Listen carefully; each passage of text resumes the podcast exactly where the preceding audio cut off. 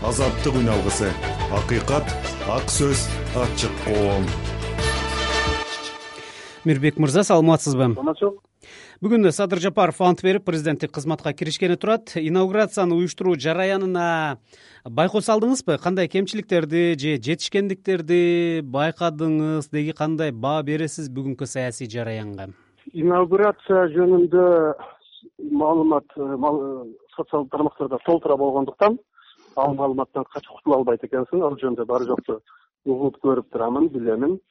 Бул жөнүндө чыгымдар анан жанагы башында Э, башталган баягындай обу жок репетициялар башталып анан кайра элдин пикирлеринин басымы негизинде ал пикир э, өзгөрүп жанагы жолдор тосулбай турган болуп чыгымдар азая турган болгонун аларды укканмын ал туура чечимдер болду.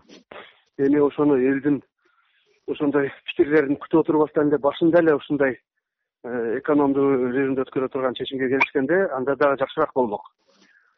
Бул бир. Анан инаугурацияны азыр жабуу эле мындай мындайча айтканда баягы журналисттерди катыштырбай өткөргөн атышкандыгын мен аны түшүнбөдүм. Эмнеге андай кылган атышат журналисттер бул деген төртүнчү бийлик болгондуктан журналисттер катышса алар анан ошол социалдык медиада чагылдырса биз иштеп отурган жерден жүз эфирде көрсөк. Бул мындай инаугурация деле бул майрам эмес да. Ким шайланса деле мен добуш берген президентти добуш бербегенди ким болсо деле ал мындай бир мамлекет үчүн кызыктуу бир сонун окуя да. Американыкын түз эфирде отуруп көрдүм мен мисалы түнү менен. Муну деле кызыгып көрсөм көрөйүн дедим эле эми бербей калат экен эми айла жок. Үмүттөнөм кайсы бир мамлекеттик медиа аркылуу болсо дагы коюп калаар. Бишкектегилер үчүн аянтагы чоң мониторду көрсөтөт деп атышпайбы? Мен кечээ клоп менен гана азаттыкты гана көрчү элем да ошон үчүн мен башка мамлекеттик медианы эч качан көрбөйм. Себеби мен клоп менен азаттыкка гана ишенем. макул анда деги кыргызстандагы саясий жараян эл аралык коомчулукка канчалык кызык же эмнеси менен кызык болуп турат учурда. Эми бүгүнкү инаугурация деле.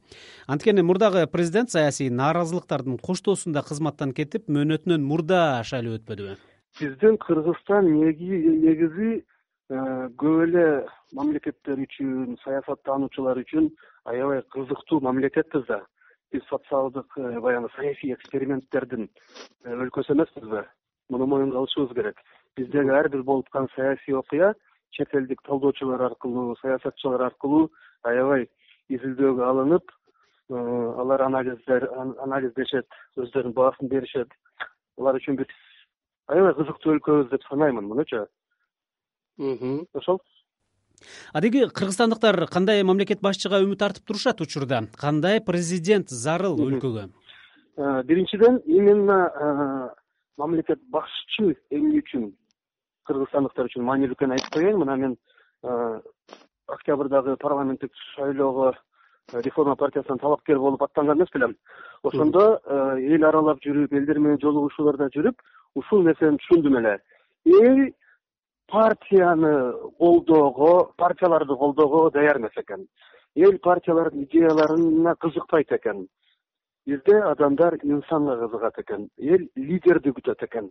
Азыр э, эмне үчүн э, төртүнчү бешинчи алтынчы октябрдагы жанагы э, көтөрүлүштөн улам логика боюнча парламенттик шайлоо биринчи өтүш керек эле туура жакшы парламент шайлап алышыбыз керек эле дегенибиз менен э, бирок азыр бийликти э, башкарып кеткен топ деп айтайлы ошол топ президенттик шайлоону биринчи өткөрүп салса дагы эл ошону кабыл алып жакшы катышып берип болушунча.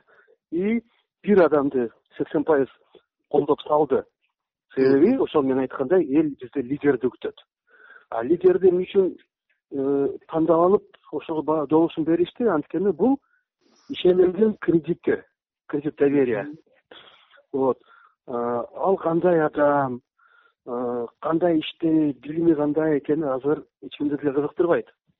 Азыр элде үмүт гана бар андан албетте жакшылыктарды күтүшөт мен деле садыр жапаровго добуш бербегеним менен мен деле жакынкы алты айдын ичинде кандай бир өзгөрүүлөр болсо керек бирдекени жасашса керек бир жакшы реформаларды башташса керек деп ойлоп турам. Себеби биздин кыргызстан бул башкаруу үчүн татаал өлкө эмес биз уюмдардык мамлекетпиз биз чакан мамлекетпиз экономикабызды э, оңой эле куруп койсо болот. Бир чоң компанияны башкарганга караганда биздин кыргызстанды башкаруу оңоюраак деп санаймын. Ошол мен ойлойм колдорунан келип бир гана жыйынтык көрсөтүшө деп алты айдан кийин анан баа беребиз рахмат пикирлериңиз үчүн. Азаттык радиосунда суроолорго жарандык активист мирбек маматкасым телефон аркылуу жооп берди. Сизге рахмат санжар. Болду